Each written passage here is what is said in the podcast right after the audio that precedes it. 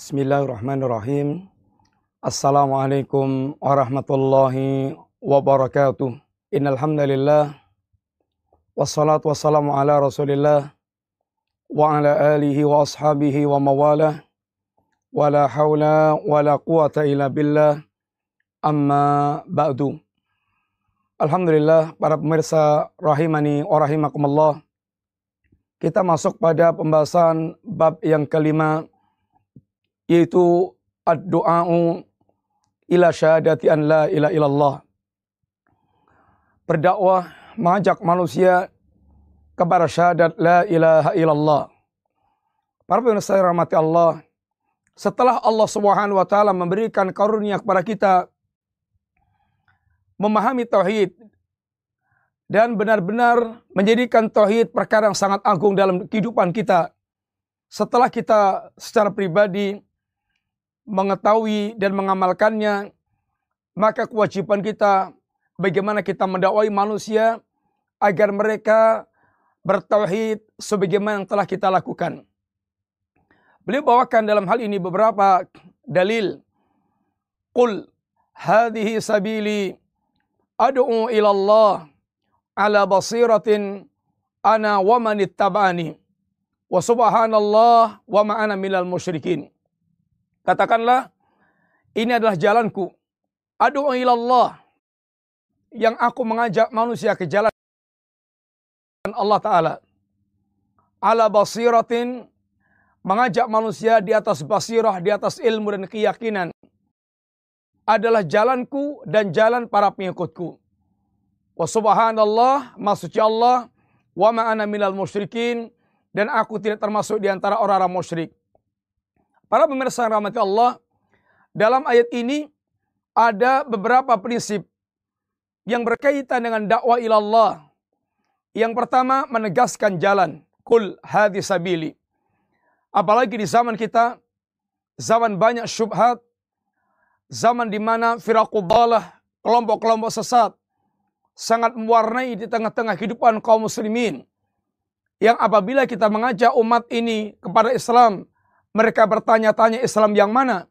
Maka kita tegaskan bahwa Islam kita adalah Islam yang diajarkan Nabi, yaitu Al-Quran dan As-Sunnah dengan pemahaman para salaful ummah.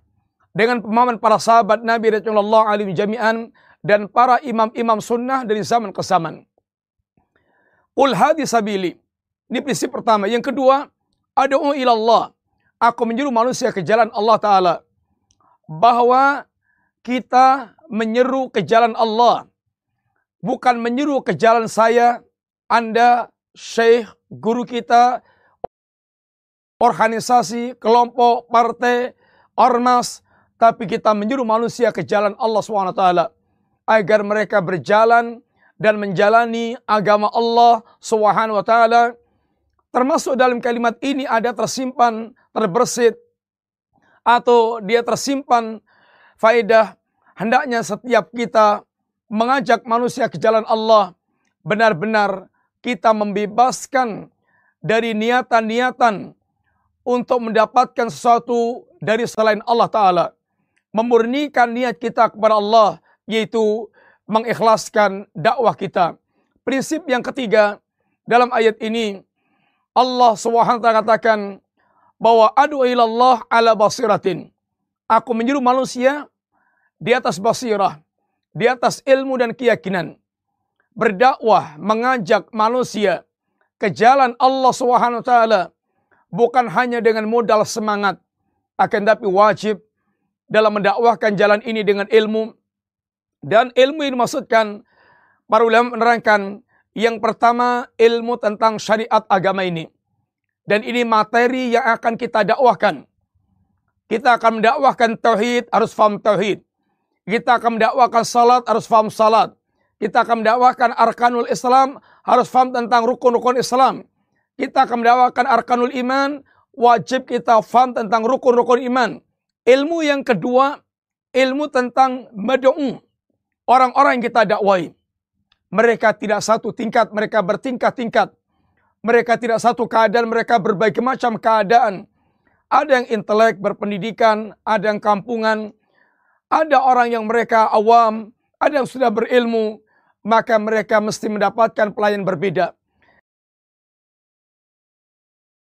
Yang ketiga, yaitu ilmu tentang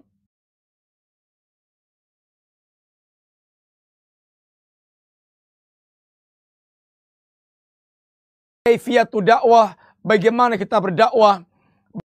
Berdakwah ada dengan hikmah, dengan ma'idhah hasanah, dengan jidal. Ini sesuai dengan matu yang kita hadapi. Maka ilmu yang dimaksudkan meliputi tiga perkara ini. Sebagaimana penjelasan para ulama. Setiap yang menisbatkan sebagai pengikut Nabi, wajib dia berdakwah dan wajib dakwahnya di atas ilmu dan keyakinan. Tentu berdakwah tidak mesti ceramah. Dia berdakwah bisa mengambil peran-peran yang menjadikan bagian dari kegiatan mengajak manusia ke jalan Allah Subhanahu wa taala. Sebagaimana dengan satu anak panah Allah bisa masukkan tiga kelompok orang yang membuat anak panahnya, yang membuat panahnya dan yang membantu mengambilkan anak panah. Berdakwah membutuhkan unsur-unsur yang banyak. Boleh jadi panitianya, donaturnya, kemudian penyebar pamfletnya, kemudian yang para pengundangnya, kemudian ustadznya, ambillah bagian mana yang Anda mampu untuk berserikat dalam kegiatan dakwah. Wa subhanallah, maksudnya Allah, wa ma'ana milal musyrikin, sehingga dakwah ditegakkan di atas sikap mentauhidkan Allah, mensucikan Allah Subhanahu wa taala. Dengan demikian, dalam ayat ini ada prinsip-prinsip dakwah. Yang pertama adalah menegaskan jalan dakwah yang kedua, yaitu mengikhlaskan dakwah, memurnikan dakwah, hanya mengajak ke jalan Allah.